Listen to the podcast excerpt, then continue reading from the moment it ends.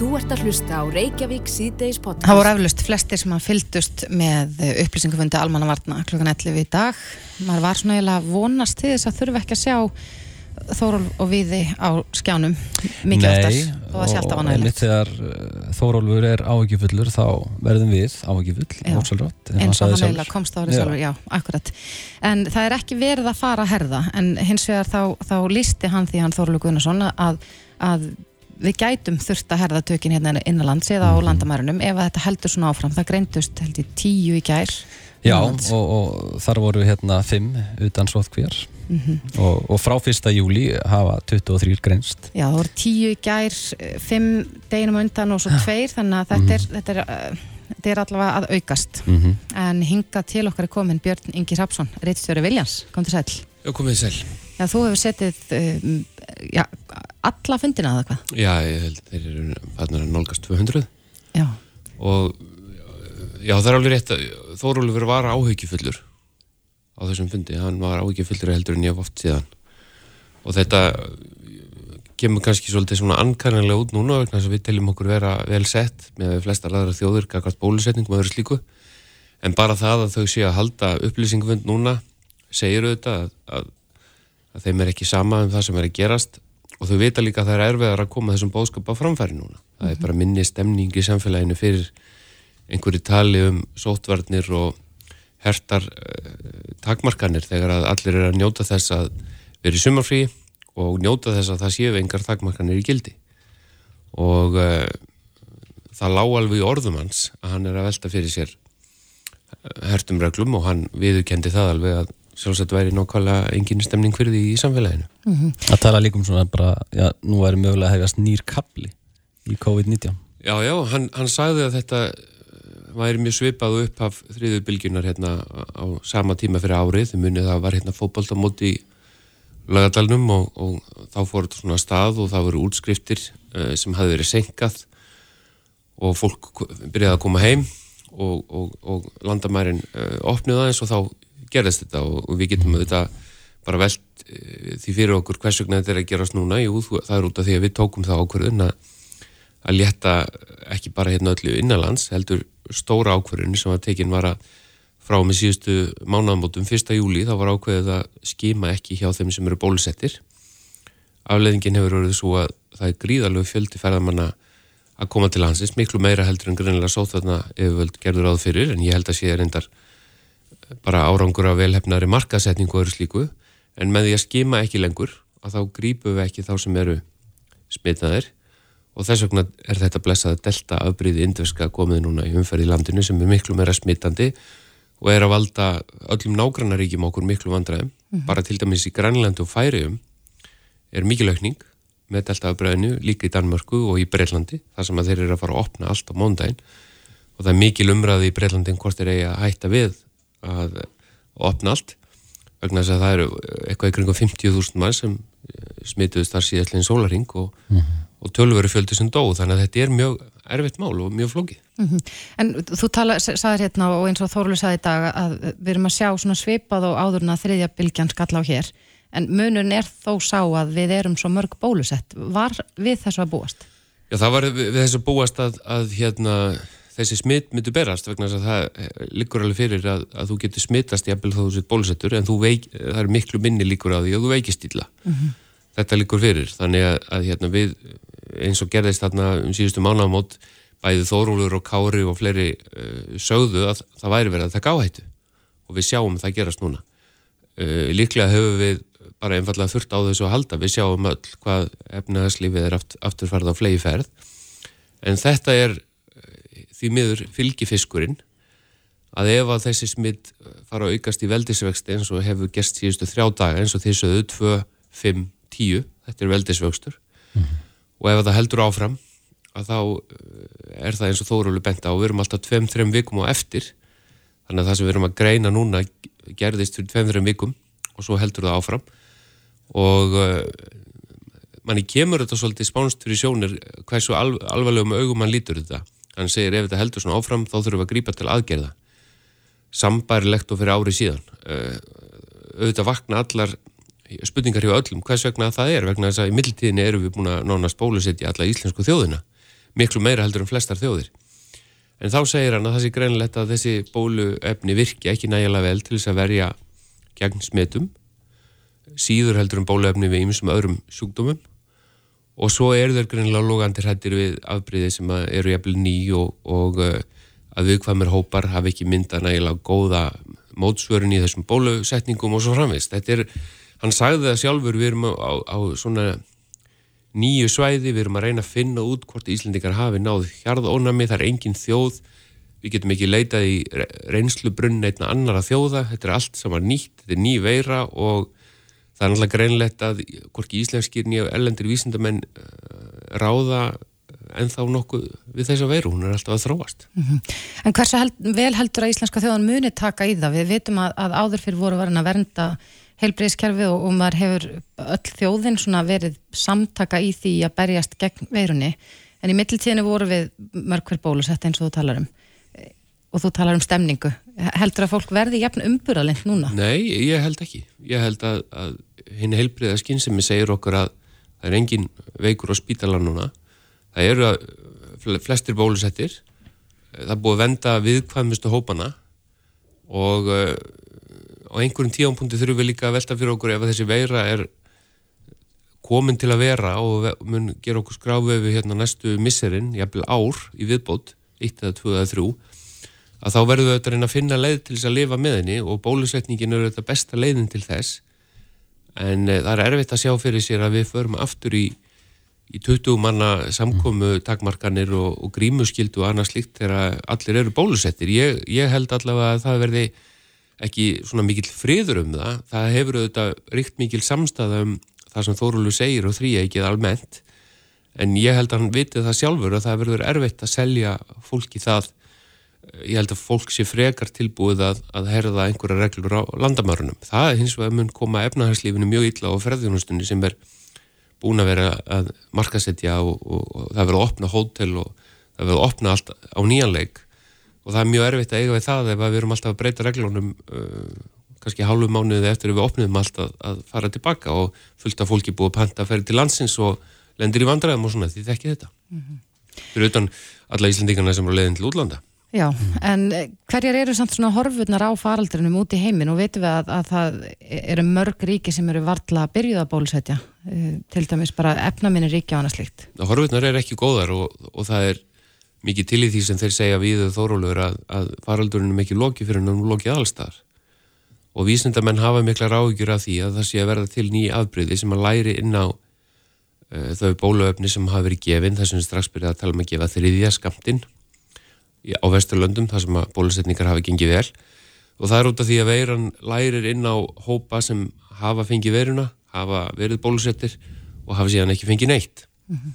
og blandast á milli þessara og þess vegna verða til þessi afbreyði. Þórólin nefndi þrjú afbreyði, gamma, delta og þessi brasilíska, eh, breska, alfa og svo uh, þetta indveska sem er kallað delta og þetta eru allt afbreyði og svo eru til ótal önnur afbreyði meira sé að hafa þeir fundið mismunandi afbreyði af indesku veirinu hérna innan lands undanfann daga. Og það sýnir bara að, að hún er ekkit hægt og auðvitað hafa Evrópubúar, stjórnveldi Evrópu mikla ráðgjör á höstinu vegna þess að allavega síðast árið þá síndir einslan að, að um leið og höstið kom og skólanir bryði aftur og þá blósaði þetta upp. Og, og hún virðist bara því miður uh, lifa góðu lífi og á meðan að það gerist að það var alltaf hætta á því að hún halda áfram að stökkbreytast mm -hmm. það vissi engin hvað indveska afbyrð var fyrir 3-4 mánuðum síðan sko, í heiminum, nú er það tekið yfir eh, langstærstur hluti nýra smitta í Breitlandi, Bandaríkjónum og í Evrópu er, er indvest afbyrði sem var ekki til fyrir stöttu síðan Akkurat mm -hmm. Já, Já maður velti þessu fyrir sér að þegar í Breitlandi þá uh, byrjaði þessi aukning gríðarlega eftir, eftir hérna, Evropamóti í fótbolta, sá ég hérna á fréttasíðum og núna er við að fara nálgast, það eru sumafrí og það eru hátýr út um alla trissur, þannig að þetta er áhugjefni. Mm -hmm. Já, já, þetta kemur svona í bakið á fólki, bara eins og við sáum þarna viðtölu við fórsvarsmenn skemmtistæðinins eh, bankastæti, það sem að starfsmæður mætir hann í vinnu tvo daga smitaður og, og, og smitar aðra.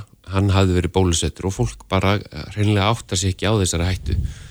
Mörgum finnst bara það sem þeir hafa verið bólusettir þá þetta bara frá, það er búið að tjekka í ákveði bóks en það er ekki þannig. En sem betur fyrir þetta verður við að leggja áherslu á það það er engin alvarlega veikur.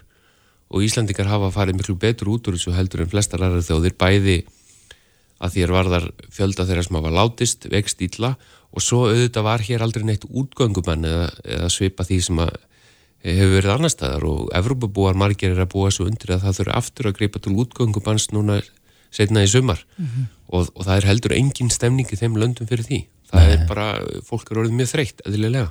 Munum við sjá það bara næstu tala ekki þorlur um tvær vikur Jú, ég held að sé engin spurning að, að ef að þetta heldur núna áfram næstu daga þá verður greipið til aðgerða. Hann, hann getur ekki gert annað sem sóþarnalæknir heldur mm -hmm. en að, að gera það. Svo er aftur hvað ríkistjónin gerir. Ríkistjónin er nýbúin að tilkynna að afnema allt saman og það verður gríðalegur þrýstingur frá ferðarþjónastunni og að mm -hmm. breyta ekki og, og, og það eru að mörguleita eðlileg sjónamið sem er þá bara eðlilegt að það verið tekist á um. Sótarnalæknir hins vegar auðvitað bara skilar sínum tilugum, hann sagði það í mitt að ég er allavega þeirra skoðunni saðan hann. Telur að það hafi verið tekin áhætta með þessu. Hann telur að þessi allt og margir að koma hinga til lands, ég held að ferðarþjónustan sé ekki þeirra skoðunni að þessi ofan margir að koma. Og það, þetta eru bara sjóna með alveg eins og sama tími fyrra sem eru ósamrýmaleg mm -hmm. því muniði fyrra, fólk vildi eiga gott sumar og hafa landamennin örug til þess að geta gert eitthvað innanlands. En svo voru aðrir sem sögðu við verðum að opna til þess að fá ferðamenn. Og, og það er ekkit auðvelt að vera þarna á milli, hvort sem þú ert heilbríðisáð þeirra, fórsettisáð þeirra eða sótvandarlænir. Við munum sjá hvernig þetta allt saman fer. Björn Ingi Rapsson, takk hérlega fyrir komuna. Takk fyrir mig. Ekki missa af neinu. Reykjavík síðdeis á bylgjunni. Þú ert að hlusta á Reykjavík síðdeis podcast. Reykjavík síðdeis á bylgjunni heldur áfram. Eh, þessi MeToo-bylting sem er eh, sífælt í umræðinni hér á landi, hún eh, snýst oft um það hvers vegna þólendur brota, kynferðsbrota kæra ekki þessi brot til lauruglu og það hefur komið upp úr þessar umræðu að, að kerfið sér hennilega ekki nógu gott, nógu þólenda vænt og, og að, að það býði þeim í raun ekkit betra. En hinga til mín komin er Hildur Fjóla Antonsdóttir, hún er doktor í réttar félagsfræði, kom til sæl. Sælifessi. Þú hefur verið að rannsaka þetta kerfi. Já greiðlega mikið og, og gerðir meðal annars doktorsansókn á því og skilaðir tilögum til uh, eh, dómsmálur á sínum tíma mm -hmm. uh, getur aðeins farið yfir það hvernig var rannsókn þín? Sko, í doktorsansókninni var ég að skoða svolítið réttlætis hugtækið út frá sjónarhóli þólenda, sem sagt, kynfyrsbrota mm -hmm. Og var meðal annars að skoða sem sagt uh, og spurja fólk um reynsluður af því að fara í gegnum réttakerfið, sem sagt að fara og kæra mál og, og ganga í gegnum kerfið mm -hmm. og uh, á þeim grundvelli sem sagt uh, útbögið síðan uh, tilugur sem fóru þá fyrir réttafarsnefnd og hérna um hvernig mætti bæta þetta ferli þannig að það sé réttlátara út frá svona sjónarhóli brótaþóla. Já, þetta voru 35 brótaþólar sem að, að þú talaður við í þinni rannsók. Var, voru þar einróma um, um að, að kerfi tæki ekki nógu vel á mótið?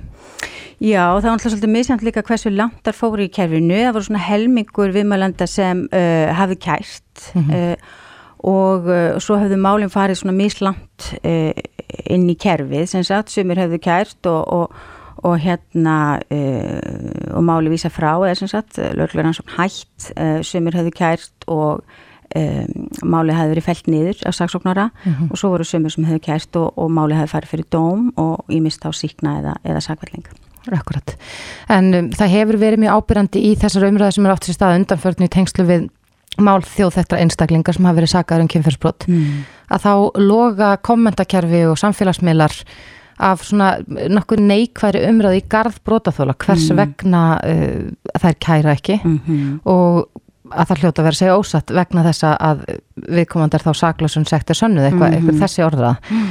um, hefur hefur eitthvað breyst á undanfjörðum árum eða erum við bara alls ekki á nógu góðum stað hvað réttakjörfi varðar? Sko ég held að þú veist það er náttúrulega margar ástæði fyrir því að fólk uh, kærir ekki. Fyrsta lagi getur sko fólk upplifur náttúrulega oft mjög mikið áfall við svona kemfisbrott mm -hmm. og uh, þegar maður er í miðju áfalli að þá er oft mjög erfitt að taka, fara að taka þessar ákvarnir hvort maður ætla að fara að kæra eða ekki sko. Fólk er svolítið að reyna bara að segja á hvað gerðist uh, og hlúa að sér uh, og þetta getur tekið tíma. Eh, krafa réttakerfisins er aftur á móti að maður mæti strax uh, og það er alveg tölfræðilega margtakum munir á því að þeir sem kæra alveg um leið, þau mál eru líklega til þess að enda í sækvellingu. uh, mun lík, tölfræðilega líklegri sko. mm -hmm. en, uh, en það tekur náttúrulega þólendur oft tíma bara átt að segja á hvað átti sér stað skilgreina í kollinum sjálf sem sagt, þú veist hvort að þetta falli undir kynfisbrot og síðan að, að fara að kanna það hvort að þau að fara að kæra en uh, sko að kæra er náttúrulega svolítið meirinn að segja það vegna þess að fyrstulega geta málun tekið alveg óheililega langan tíma í kerfinu og oft eru þetta ungar konur uh, sem eru að verða fyrir kynfisbrotunum uh, og það geta get, get, tekið sko lungað úr bara fyrir stuttu æfi í rauninni að gangi mm -hmm. gegnum réttakerfi. Það geta tekið allt að þrjú ár að fara gegnum réttakerfi sko ef maður ætlar að, þú veist, upp á allt frá kæru til dóms til dæmis. Mm -hmm. Þannig að þetta er mjög hákrafa og sérstaklega fólk upplifir þetta tímabil uh, að meðan það er að býða eftir niðurstöðu á ólíkum stöðum í réttarkerfinu uh, að þá er þetta sko óbærilegt að þurfa að býða og býða og veit ekki neitt uh, hvað er að gerast með málið. Sko. Nei, það er eitt af því sem að, ég held að kannski að almenningur viti ekki almennilega er að ef að einstaklingur kærir fyrir kynferðsbrota mm. þá er sá brotaþólinn ekki aðili að málinu sjálfu heldur bara vittni og fær því engar upplýsingar. Já, það er einmitt þetta sem ég hef verið að skoða svolítið sérstaklega og það er þetta með þessa, þessa réttastuð brotaþóla og það er náttúrulega ekki bara við brotaþóla í kynfisbrotamálum, heldur náttúrulega bara alla, alla brotaþóla sko, en þetta kemur heldur sérstaklega illa við brotaþóla í kynfisbrotamálum vegna þess að þetta eru þannig mál mm -hmm. um, og þá er það einmitt þetta sem er það fyrsta sem svona svolítið blasir við brotaþólum, er átt að segja því að já, þetta er ekki máli mitt að ég er búin að kæra e, þetta sem er kannski að versta sem nokk tíman hefur komið fyrir mig á æfinni mm -hmm. fyrir til lauruglunar og kæri málið þá er þetta úr mínum höndum mm -hmm. og mhm. ég er ekki aðilega máli og ég fæ takmarkaðar upplýsingar ég er mjög takmarkaðan rétt til að taka þátt í, í ferlinu Nú ef máli fyrir fyrir dóm til dæmis þá er eðilega loka þingkalt í kynfyrspotamálum vegna þess að þau eru talin sérstaklega viðkvæm mál en það þýr þá samaskapi að hérna eh, brotaþólar hafa ekki rétt á að sita inni í þingaldi vegna þess að þau eru unni vittni í einn máli mm -hmm.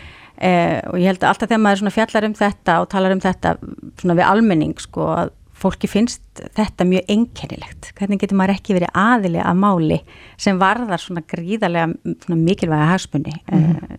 Eh, eins og kynfisbrotin sko. Já, við rættum um daginn hér um það að sko það hefur þó orðið aukning á þeim sem að kæra.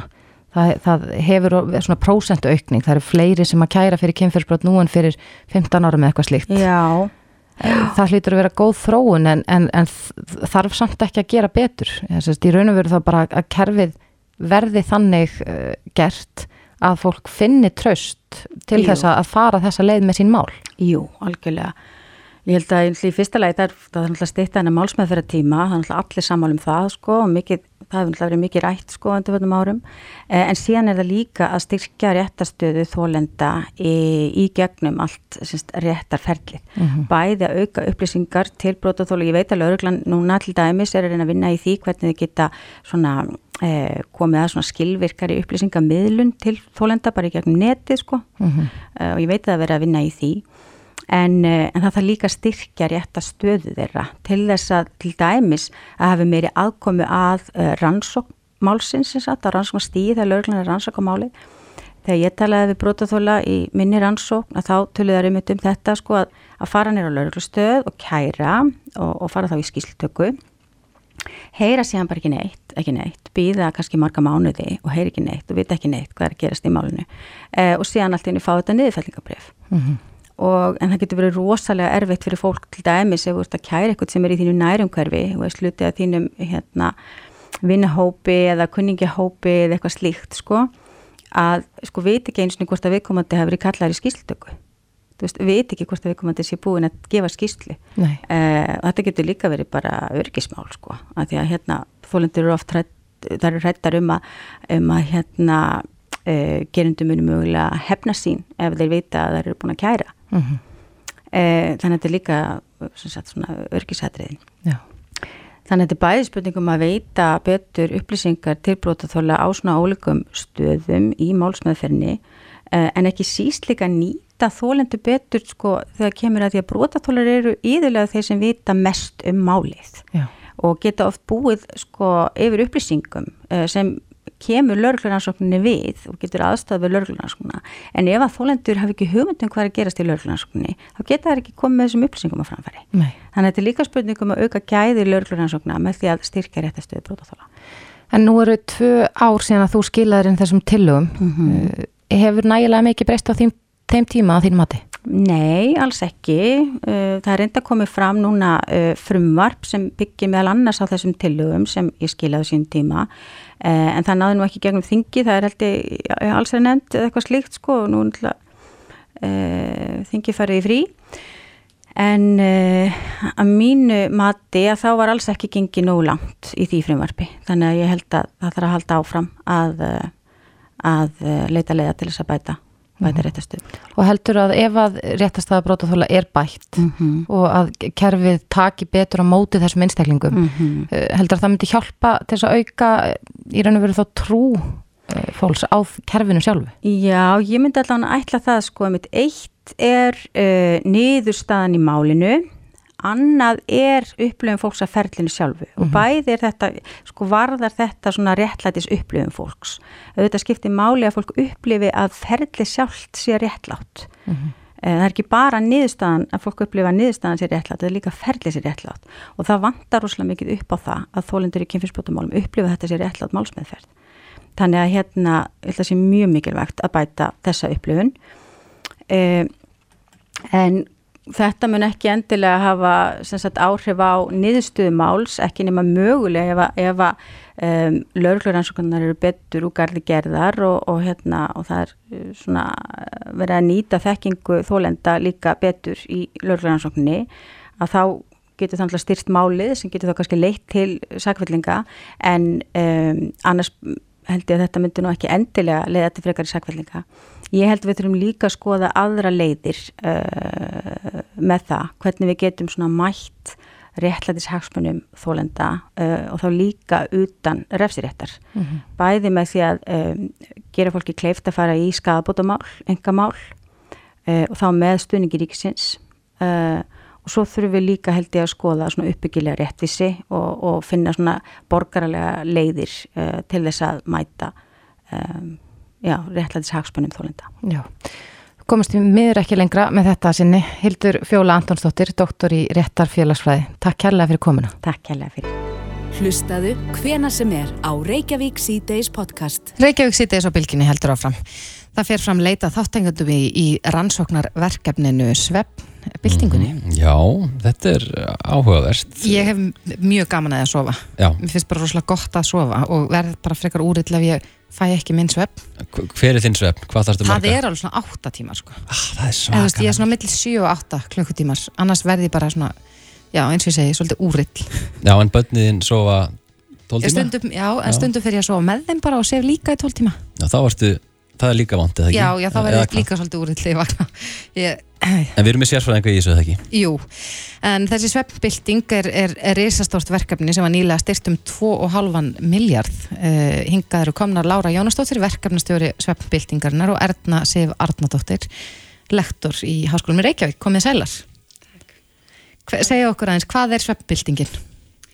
Sveppbildingin er stórt verkefni, um, 37 partnera aðeila út um alla Evrópu og í Ástralíu og það snýr, snýr að því að bylta rannsóknum og Erna er þú aðalaðan í þessu?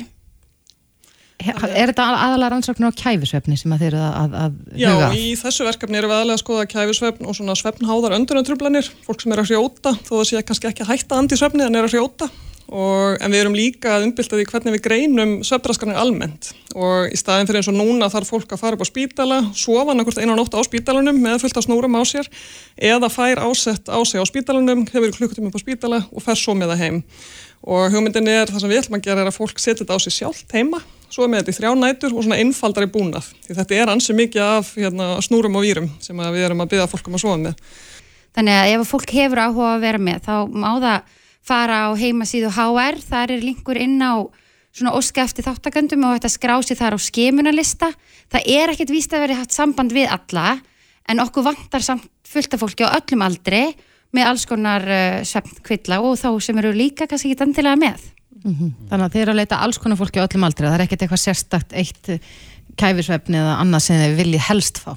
Nei, við, okkur vantar sérst bæði fólk sem að telja sér bara svo mjög vel, þá sem eru með, telja sér mögulega að vera með kæfisvefni eða hrjóta, þá sem eru með svefnleysi, er upp með svefn, eða með svona fótapirring, við viljum fá hérna alla þessa hópa og bara alla sem eru orðinir 18 ára eða eldri, við erum ekki að mæla börn í, þessa, í þessu, hérna, rannsókn núna. Mm -hmm. En uh, Erna, þú, eins og hún saði hérna ána, þú ert sérfræðingur í þessu, eru rannsóknir á kæfisvefni og meðferði við kæfisvefni er að orðnar úreldar? Eh, Stuttasvarið er já, lengra svar er að hérna, það sem við gerum í dag er að við teljum bara stoppin, teljum þau skipti sem manneskan hættir að anda og við erum til dæmis ekkert að skoða hvort það hlýðið séu tvær mínútur eða tíu sekundur. Mm. Maður getur ímyndað sér að þegar maður hættir að anda í tvær mínútur og það hefur meiri áhrif á líkamann heldur en tíu sekunda stopp og þetta er eitt af þessu sem við erum að fara að skoða í þessari rannsókn. Við erum með um 30.000 svefnmælingar og svona hva, hvað gerðist hjá fólki sem var með slíka, slíka öndun í svefni, háþrýsting, hjart og æðasúkdóm og fleira og erum að skoða hva, hvernig við getum bætt mælikvarðana. Þannig við hættum bara að telja stopp og Já. viljum nýta, við erum að mæla svo miklu meira heldur en bara þetta og nýta þessa mælingar betur. Hverjir eru svona helstu áhættu þættinu? Sko, í fyrsta lagi kannski, uh, hvað getur kæfisvefnin leitt af sér? Og í öðru lagi, sko, hvað veldur kjásefni?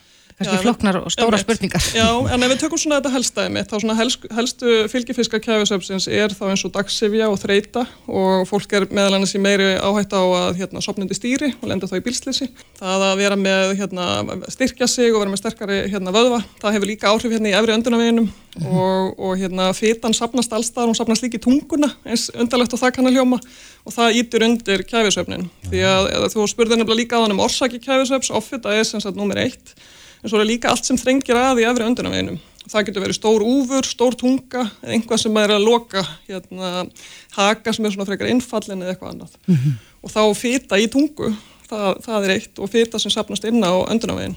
Já, maður hefur aldrei heist þáður, en, en hefur það verið, hefur það verið rannsaka, sko, hversu margir, ef maður hugsa bara um hlutfall, sko, hversu margir glíma við sveppn vanda sem slíka, hvort sem það er kæfisveppn eða uh, eins og þú talar um að svepp leysi?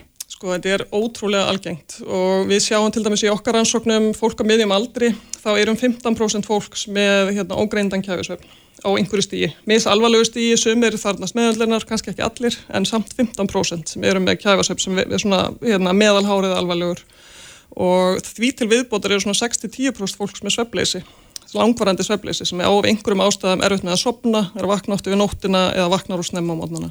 Þannig að þannig ertu komið með kannski 20-25% hérna, þjóðarinnar strax sem á við vandamáli stríða og bara þegar maður spyrir eins og úlinga og börn hérna, átti, átti erfileikum með svefn, þá er það oft um fjórðungu sem er að svara já. Mm. Þannig að svefn vandamáli eru gríðarlega algeng og við sjáum það eins og bara við þessi viðbröðin sem við erum búin að fá núna við þessi, þessari einu frétti í bladin í morgun eru að það er allt í náttúrulega komið þúsund manns á lista sem vilja að koma í mælingu til okkar. Mm -hmm. Þannig að það eru mjög margir að glýma við svefnvandamál og ekki endilega búin að fá úrlöst sína máli eða leita aðstöðar. Akkurat. Ég veldi oft fyrir mig hvort að ég sé með kannski eitthvað svefnvandamál eða ekki. Þú veist, maður veit ekki almennilega hversu vel ég er að sofa sjálfur. Veist, er einhvern svona ráð til mín bara sem svona til að velta þið fyrir mig sjálfur hvað getur gett til að bæta svefni minn? Já, sko eitt sem ég segi til dæmis fólki oft, eitt, eitt vandamálið er að fólk gefur sér oft ekki nægan tíma til að sofa eins og var að tala um aðan og þú þurfir þess að 8 tíma og svo svona já, 7, 8 en 8 tímar er bara mjög eðlilegt að maður þurfi 7-9 tímar er viðmiðið fyrir fullorna mm.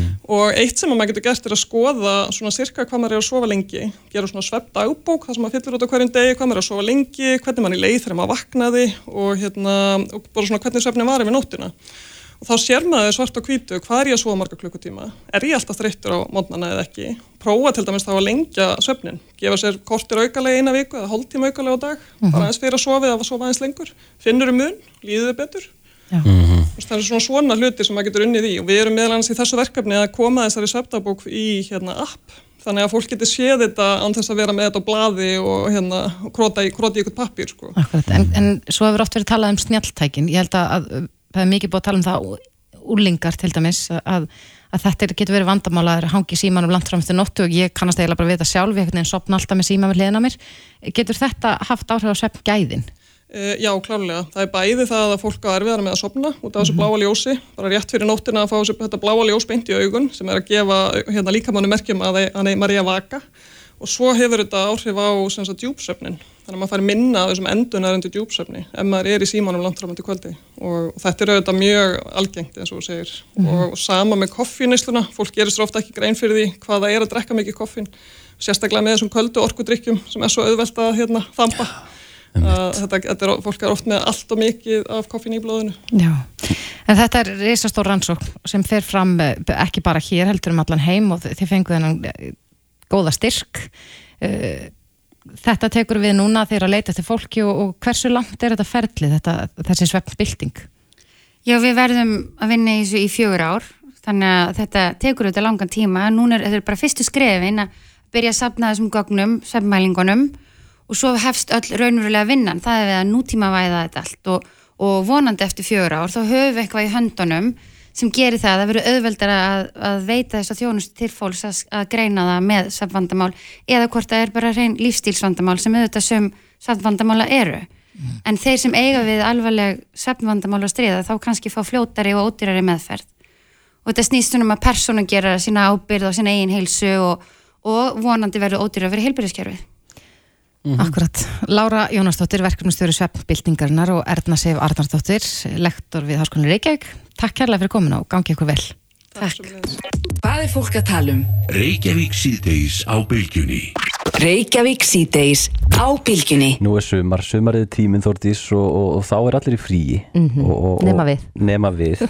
En, en börnin okkar eru líki fríi. Já. Mm -hmm það eru, ég held að það hafi nú verið í síðustu viku sem að svona lang flestir eh, leikskólar að minnstakosta höfuborgarsvæðinu mm -hmm. byrjuðu svona þessa sömarlokun sem eru fjóra vikur mm -hmm. í flestum tilvökum og svo eru þetta grunnskólar í fríi, margir í sömarfríi bara fullorðnir og, og ég finn það bara sjálfur mér að jafnvel þá ég sé ekki eins og í fríi mm. ég er ennþá að vinna þá finnst mér bara erfið að halda rútínu á sömurinn Já, bara þú persónulega? Bara persónulega, ég mm -hmm. bara fer setna að sofa, ég sefa lítið lengur, ég borða eh, aðeins óhaldari mat. Já, er þetta ekki kannski að reyfa það eins mikið? Nei, í, í raun og veru ekki, nei. Mm -hmm. en, eh, og maður þekkir að líka bara þeir sem eiga börn, vita að það er bara erfitt að halda þessari rútínu, það er volað þægilegt og ég held að það sé bara gott fyrir alla, hvort sem eru börn eða fullornir, mm -hmm. að halda ákveðinni rútínu, sérstaklega hvað svefnin varður hana. Algjörlega og ég þekkja mjög vel að því að ég á núna rúmlega eins á skálsbann og það er rosalega rútínuruð, þessu litlu börn er svo rútínuruð mm -hmm. og þegar þau eru rútínuruð, þá eru þau glöð. Nákvæmlega og ég, mér finnst ég lang glöðust þegar ég er í minni rútínu, ég er bara svo litlu börnin. Já. En á línu hjá okkur er Ragnhildur Bjarkadóttir, hún er sálfræðingur hjá Auðnast, kom til sæl komið sæl og blessu. Er þetta ekki svolítið rétt hjá okkur? Við þurfum bara öll rútinu okkar. Jú, það er eiginlega akkurat þannig að mannskeppnan, hún er bara þannig að hún er svona rútínu með við lífvera. Henni líður bara hvað best þegar við erum í svona ákveðin rútínu. En hins vegar er það þannig að þegar að sumartíminn svona færist yfir okkur og í talnum gummi ljósi þess að við erum búin að vera að taka þá við mjög skrítum tíma núna fyrir þennan mánuði í kjölfara COVID mm -hmm. og svo bætist sumartíminn onum með, með svona frjálsum ekki lengur takmarkanir og svo leiðis að þá er ansi svona hægt við að við svolítið bara kaustum allir í rútíninu í burtu og fögnum frelsunum á allanhátt. Mm -hmm. En það er nú bara eins og niður þannig að þó að það sé skemmtilegt og þá þurfum við alltaf sem það passa svona grunnfættina líka. Þannig að ég hef alltaf svona reynd að byrja út þann boðskap að hófleg rútína á sumrin er það sem að er kannski svona heillavanlegast mm -hmm. ef ég mhm. segi þessu svona. En hvað ráðleikur fólki sem bara hefur aðeins mist tökin á rútinni? Ég heyrði vinkunum minni gæra og hún var að kvart yfir því að dótturina sem er eh, sjóra eh, er að fara að sofa eitthvað um miðnætti og sefur aðeins lengur út daginn eftir og, og komin svona ákveðin vítarhing. Hvernig getur maður að greipa í taumana? Sko þetta er ótrúlega algengt og það er ótrúlega gaman að fyrir nú vinnum við á stofinni með alls konar fjölskyldir hérna í auðnast og, og sumir eru með ungbörn og sumir eru með hérna fulltabörnum, sumir eru með mörg ára á milli þannig að það eru allir einhvern veginn að detta svona svolítið í með þessa rútínu að sopna setna, vakna setna og þar fram til kvötunum. Mm -hmm. En ég segi alltaf sko að það er svo ótrúlega mikilvægt að byrja á því þegar kemur á sumafríi uh, að stilla væntingum í hóf vegna þess að hvað er það sem gerist á sumrin við erum oft með svolítið miklar væntingar um það að hlutin er einhvern veginn eigi að verða frábærar og aðeinslegir og skemmtilegir mm -hmm. uh, og svo fara fóreldrarnir að setja sér einhverju viðmjöðu væntingar að það vilja allir fara í tjaldferðalega að upplifa eitthvað stórkvæslegt eða fara á hálendu eða hitt og þetta en um leið og við bara setjum sniður kannski öll saman fjölskyldan og ræðum hvað við viljum gera hvaða væntingar við höfum, að þá getum við svolítið sniði rútínuna út frá því. Og það sem er svo áhugavert er að þegar við setjum nýður og ræðir væntingar hjá öllum fjölskyldumæðlumum, að þá er kannski eitthvað sem vil bara hjóla út í Ísbúr eða vaða í Nautólsvík. Mm -hmm. Og þegar maður er búin að skrifa þetta allt miður, jafnvel og ræðum þetta, að þá getum við svolítið farið að átt okkur á rútínunni. Ef við tökum síðan alveg bara rútínuna uh, út fyrir svígan og skoðum bara hvað er mikilvægt þar, að þá segir ég alltaf settu fókusin á mikilvægstu málum og það er svefnin, alveg svo fyrir komið inn á áðan og það er næringin. Við þurfum öll að sofa og það er alveg gefið að svefnrútína raskast aðeins en við skulum ekki panika yfir því, við skulum bara reyna að halda okkur inn í ákveðnum ramma. Og svo með næringuna, af því það vill oft verða þannig að við erum á þvælingi að ferðalögum og, og þá einhvern veginn svona ég vil gleymu við að borða eða við erum að hendi okkur hinn og þessu þegar við finnum allt í hennu fyrir svengtinni. Bara með því að skiplega þig örlítið og passa það að næra börninu okkar með reglum myndibili að þá erum við bara að tryggja hamingistöðin verði betri í ákveðin tíma. Mm -hmm. Þannig að skipulag uh, er í raun leikillin þessu? Já, í raun að veru. Það er ótrúlega mikilvægt að skipulegja sig og gefa sér svolítið bara stutt með smá tíma í það að skipulegja sig. Og svo er kannski annað sem að mér finnst alltaf rosa mikilvægt að tala um þegar kemur að, að sumarfíjónum og rútínunni og bara lífinu sem fjölskup af Íslandi. Að það er það að við þurfum að forðast svolítið samanbörðin. Við erum rosalega oft först í því að skrolla á samfélagsmiðlum og sjá að það er einhver að hoppa út í á eða komin upp á hálendi eða gera eitthvað stórkoslegt og við erum einn svona upplifum að við erum kannski ekki að gera neitt sérstaklega skemmtilegt. Það kannast allir þetta. Af því, af því þegar kemur á samanbyrðunum þá er það bara jafn örugt og þingdalögmáli að við töpum alltaf í samanbyrðunum mm -hmm. þannig að ég hvet fólk rosalega til þess að þegar til dæmis rútínin er kannski orðin pínu skökk og við erum kannski ekki alveg rosa ána með okkur sjálf eða okkur finnst við ættum að vera að gera eitthvað meira og skemmtilega að staldra stundu við og segja ok, er þetta dagurinn í dag sem ég ætla að taka mér frí frá samfélagsmiðlum mm -hmm. og ætla ég kannski bara að njóta augnabliksins hérna heima með fólkinu mínu og þess að, staldra við svona getur líka verið pínu vendandi þáttur þegar kemur að því að við halda rútínunni. En er ekki því svolítið, við, vorum svolítið í, í, í COVID og í dýpstur lagðinni þá vorum við svolítið góði að vera bara heima Já, og slaka á og gera bara eitthvað einfalt en núna þegar það er svona búið þá einhvern veginn leitast maður við að þurfa alltaf að vera að gera eitthvað. Já, þetta er svolítið þannig að bara eins og gerist rosalega ofta þegar við erum búin að vera í einhvern svona hömlum eða höftum að, að þegar að frelsi kemur þá fer pendullin svolítið í íkta átt og það finnum við bara mjög stört hérna á stofunni. Mm. Það svona andrúðsafti er kannski með öðru sniði heldur en það hefur verið áður og þess vegna eru við svo rosalega upptíkin af þessu orðið sko væntingastjórnum að bara passa okkur á því að jú, við erum að koma undan alveg ákveðnum skabli hann er ekkit ennþá alveg búin jú, við erum búin að vera í ákveðinu rútínu leysi og svo kannski fengum við nokkrar viku núna sem var rútína. Eh, það er alveg eðlilegt að það gefa eitthvað eftir og þá er kannski annað aðtrið sem er mjög gott að hafa í huga það er í raun og verið þetta sjálfsmildi að geta sínt sjálfum sér svona ákveðin sveianleik og þólinnmæði þegar við finnum einhvern veginn að við okkur finnst að við eigum að vera að gera eitthvað miklu meira og betra eða við erum jáfnvel komin í gaggrinshugsunna við erum ekki standað okkur nógu vel uh mhm. -huh. líkilagrið er alltaf svolítið að staldra við og hugsa.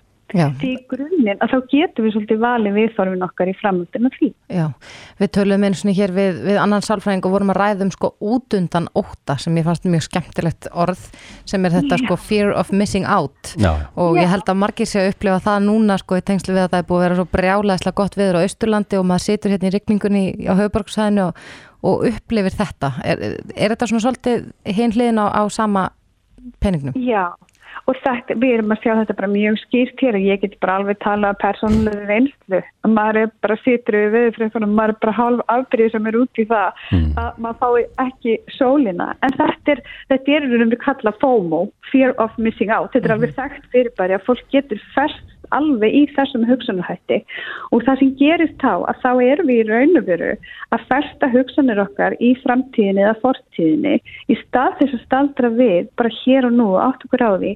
Kannski erum við ekki að missa hún nema bara augnablikinu akkurat núna. Akkurat og Já. það er það sem er svo gott.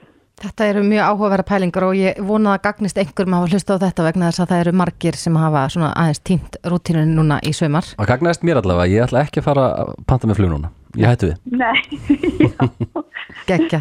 Ragnhildur Bjarkadóttir, sálfræðingur hjá Öðnast, þakka kærlega fyrir þetta. sem leiðir takk.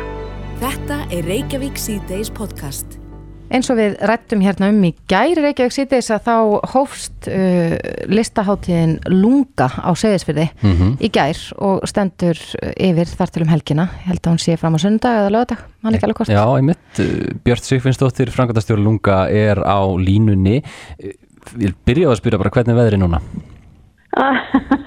Herðu, það er bara sól og ekki skí á himni og mjög heitt. Og á, á það að vera þannig yfir helgina, það lítur nú að, að skipta svo litlu máli þegar maður er að reyna að trekja fólk til sína að uh, veðrið sé gott líka. Já, jú, það verðist alltaf að vera svona alla helgina en, en reyndar síðastur við heldum hátíð þá var grenjandi rigning en samt bakfullt. Já, þannig að þetta skiptir í kannski ekki Allir máli en Nei. það hjálpar. En hvað er lunga svona fyrir þá sem að vita það ekki? Já, góð spurning. Lunga er listaháttíð fyrir ungt fólk, haldin hérna á Austurlandi, fyrir það stendur nafnið og uh, hún uh, fer vanalega fram yfir svona uh, rúma viku, uh, já, tekur yfirleitt rúma viku en í ári erum við fjóra daga, byrjum formlega í gær og, og klárum á laugadaginn um, og þegar að um, lunga er í gangi þá bjóðum við upp á listasmiðjur með uh, listamönnum allstæðar á heiminum sem er að gera spennandi hluti og koma á miðla sinni reynslu og svo erum við með pakkfulla dagskrá af list viðburðum, síningum, gjörningum og slúttum þessu öllu á uh, stórum tónleikum og svona fjölskyldustemningu yfir daginn. Akkurat. Og laugardaginn. þetta er í, þessi hátíð hefur verið haldin í tæp 20 ára, ekki satt? Nei, hún hefur haldið í rúm 20 ár. Rúm 20 ár.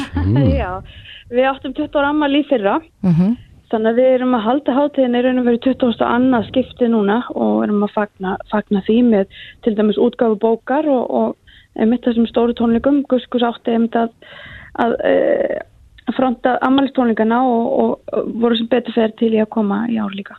Akkurat. Og, og þetta eru stó, frekar stóri tónleikar og, og hversu margir eru að, að koma á lunga? Fyllist bærin hreinlega fólki? Já, um, nú er náttúrulega eins og segi mjög gott veður og búið að vera bara síðusta mánuðin. Þannig að bærin var eiginlega brún fullur um síðustu helgi en vanalega er að koma svona á milli, uh, já, þrjú og fjögust manns yfir alla lunga hátíðina og mér sýnist ekkert ætla að verða neitt mikið minna núna sem er svona pínu ákefni en, en samt líka gaman. Er ekki bara allir að tjálta eða hvernig er það? Fyrst að veðrið er svona gott? Jú, jú, það er bara, ég held að tjálsæði sé alveg bara vel, vel fullt, jú. Og er stækka sérstaklega líka fyrir þessa helgi, þannig að það er enda pláss. Já, ég er nú ekki alveg hlutlaust þegar ég tala um seðisfyrir en ég held að það sé fáir staðar á landinu jafnfallegir og seðisfyrir í, í sólskinni. Getur tekið undir það? Já, já, hjartanlega, bara ekki spurning. Mér enda finnst hann líka fallegastur í, í, í snjóbil en, en, en jú, klárlega, sólskynst ára segis við eru bara enguður líkt. En það er ekkit uh, hámark, fólk getur bara mætt, keft sér miða núna eða hvernig virkar þetta? Já, sko, það er öll dagskrá hátíðarinnar, uh, uh, uh, allir viðburðir hátíðarinnar eru ekki, ekki aðgangsskildir, eða komið sér það, það er ókipið sinna á þá, Já, nema tónleikarnir á lögadaginn. já, Og það fer reyndar hver að verða síðastur að ná sér með þar, þannig að ég myndi mæla með því að kaupa, uh, kaupa meða á tix.is. mhm uh, Gus Gus, náttúrulega hérna aðalnúmerið, er svo má segja uh, var erfitt að semja við Gus Gus liða? Erfitt að semja við það? Já, Nei, þeir eru bara, nei, nei, nei, nei. það er bara mjög, mjög öðvöld. Hverju fleiri koma fram á tónleikunum? Uh, Vög kemur fram líka og uh, Inspector Spacetime, uh, Vill, Sakana, DJ Yamaha og Unnur Birna. Glæsilegt. En þú segir að hver fyrir að vera síðastur að kaupa miða, er, er það óvenjulegt svona, núna eru hvað, tveir dagar í tónleikana, er þið vöna að selja upp á, á þennan viðburð? Við erum vöna að selja upp í hurð, já, vanalega, en við höfum aldrei selt meira í fórsölu eins og í ár. Það er greinlegt að fólk er uh, mjög spennt fyrir þessu og kannski líka pínu svona viðburða þist eftir mm svona þurramleitur. Er það eitthvað sem að, að þeir tengi sérstaklega við það? Getur að vera, auðvitað maður er búin að heyra það í fréttum öndaförnu að þess að held ég að vera að lesa það á, fre- í fréttablaðinni gæra að það væri bara reynilega pulsuskortur á Austurlandi Já. vegna þess að það eru svo margir að fara austur út af því að þeir eru búin að vera einstaklega heppin með veður. Heldur að það sé líka að trekja fólk að? Já, ég held að þetta sé klárlega samspil uh, margra þátt veðurs og, og, og eins og ég segi svona uh, COVID-þurðar og, og, og uh, góðs line-ups. Svo sletti á góður ennsku En en síðan það, að, alveg, það búið að vera alveg frábærlega gott veður hérna í, í heilan mánuð en ég myndi nú eiginlega að segja að við eigum það, uh, eigum það skilið já, við held að við getum öll verið sammála því. En Já. uh, lunga eins og segir í 20, uh, rúm 20 ár, en Seyðisfjörður hefur í raun og veru orðið svolítið mikið svona listabær, tengist það lunga? Lunga hefur vitalega spilað þátt í því, já, ekki spurning, bæði hátíðin og skólinn, en hér var líka hópur af mjög öflugu fólki áður en að lunga var til og kannski ástæða þess að lunga var til. Uh, Skaftfellshópurinn og, og allir í kringum Skaftfell hafa verið mjög öttilir í, í, í uh, hvað maður að segja, listsköpun og, og, og listumenningu fjárðarins og, og svo hef, hefur bæst við svona hægt og rólega bara síðan, ég myndi segja, já, 1990 og já, upp á 1990 þá er þetta svona farið að blómstra en ég hugsa jú að Lunga hafi átt mjög stóran þátt í því að koma kannski þessu frábæra menningarlífi sem er skapað mörgum, mörgum góðum einstaklingum og, og, og félögum á kortið eh, bæði á Íslandi og ekki síst út í heimi Ég veit að feng, feng, við fáum mikið til okkar á dönskum nefndum til dæmis í skólan og síðustu önn voru alveg þrýr nefndur sem svo ég ástæðan fyrir því að kemur skólan var að það væri bara allir að tala um þetta í köpnhöfn og þeir eru það að koma bara í lungaskólan. Já, en hvernig er lungaskólinn? Segð okkur hans frá honum.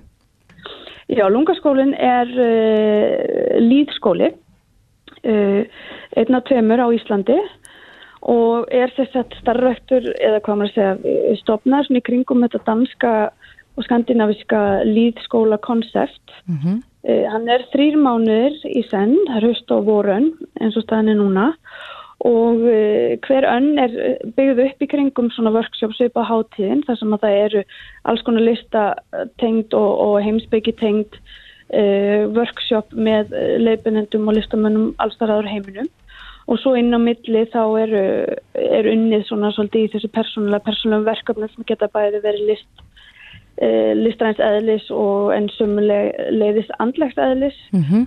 og ég myndi segja að það sé skóli sem að uh, já, komur að segja, íta undir sjálfs ást fyrst og fremst ég hjálpi fólki svona að, að, að uh, trúa og, og treysta á sjálfan sig og, og, og, og finna sína rödd í listinni sem og sem einstaklingar Já, það hljómar alls ekki illa. Uh, Við segjum bara Nei. góða skemmtur um helgina. Við verðum því miður fjari góðu gamni hér í Reykjavík en Björn Sigfinnsdóttir, framkvæmdastjóri Lunga, takk kærlega fyrir.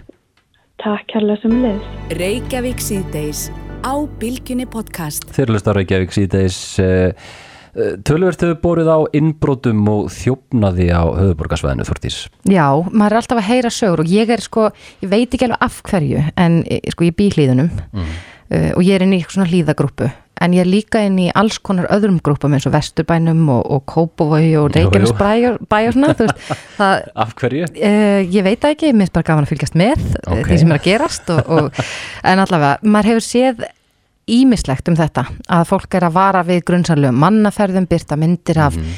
einhverjum svona skuggalegum sem er að, að nýsast í garða og annað slíkt Já, þetta er svona, þetta, þetta er svona jákvæða við þessar grúpur, eitt af þessu jákvæða við grúpurnar er er að þetta er svona nágranna eftirlit mm. nútímans og sem kemur sér bara mjög vel. Þetta heldur manni svolítið á tánum.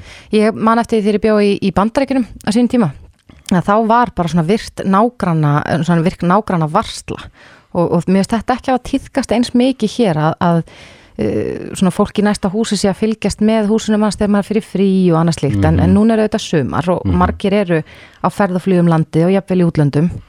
Og þá virðist þetta oftast komast í umræðina að það sé meira um innbrott Já, það er einhvern veginn eins og að það fylgi einmitt þessu sumrinu og fríunum að, að þá fara þeir á stjá þjóðvarnir. Já, en lögreglan uh, á höfuborgarsvæðinu, hún var að minnast á þetta inn á Facebook síðinu sinni og, og telur tilefni til þess að minna fólk á að ganga vel frá hlutunum sínum og jafnvel að heyri í nágrunum og á línunni hjá okkur er Jóhann Karl Þórisson, hann er aðstóðar yfirlauruglu þjótt hjá lauruglunni á Hauðborgsvæðinu, komdu sæl.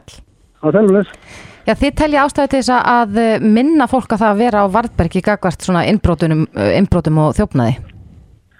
Já, við erum að sjá svolítið bylgi núna, einbrotum, og við erum að talsfur aukning núna bara síðustu tvo mánuði.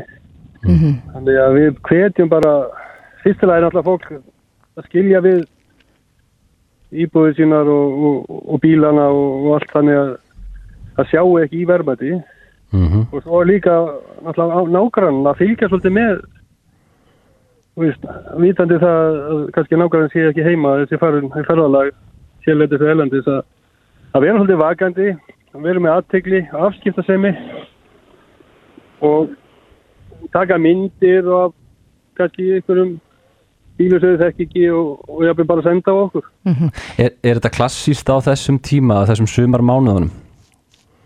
Þetta er eiginlega óvinni mikið núna, vegna að, kannski vegna þess að fólk er búið að vera mikið heima í COVID og, og núna svona fyrsta kannski svona skiptið sem er svona margi kannski fjárfjörandi, það var náttúrulega svolítið síðan sumar en það var ekki svona mikið einbrot og þá, sko, minnum mig.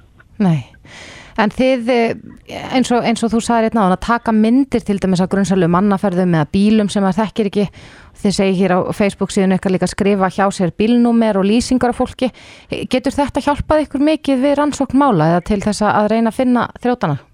Já, já, sérstaklega bílnúmer sko, sérstaklega bílnúmerin sko mm -hmm. Það getur farið að tengja þau saman og þá er þetta allt orðin auðveldra fyrir okkur sko, þau verða sami bílunum mörgum stöðum svo náðu við þeim og ykkurum í bílnum og það hjálpar okkur mjög mikið maður hefur uh, séð það að fólk hefur verið að setja líka myndir inn á einhvers konar Facebook síður viðkomandi hverfis mælið freka með því að senda bara beint á ykkur allavega all, okkur líka svo við erum kannski ekki inn á þessu síðan sko. við þurfum bara að þetta beint í æð sko. mm.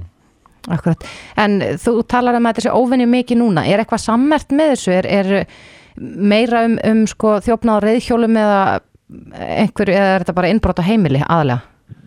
Þetta, þetta er volið mikið núna innbroti geimslur, hjólageimslur, bílakjallara, yðnaðsvæði, byggingarsvæði. Mm.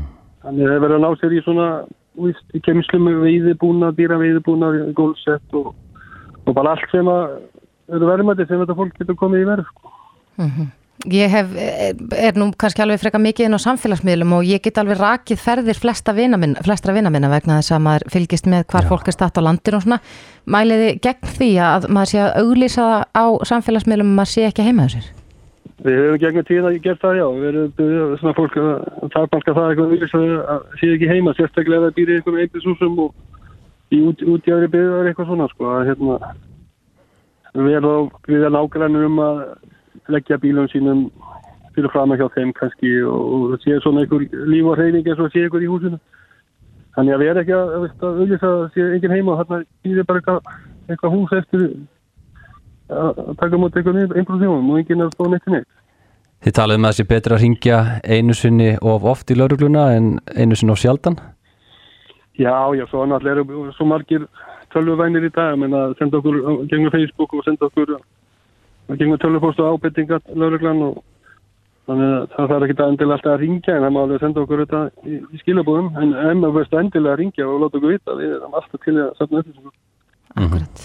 Já, við hvetjum alla sem eru að lusta og jafnvel á leiðinni í ferðarlega um helgina að, að huga þessu að, að tryggja það heimilin séu örug og, og jafnvel heyra í nágrunum og fá þá til þess að fylgjast með Jóhann. Jóhann Karl Þórisson, aðstór yfir lauruglu þjótt. Kæra þakki fyrir þetta.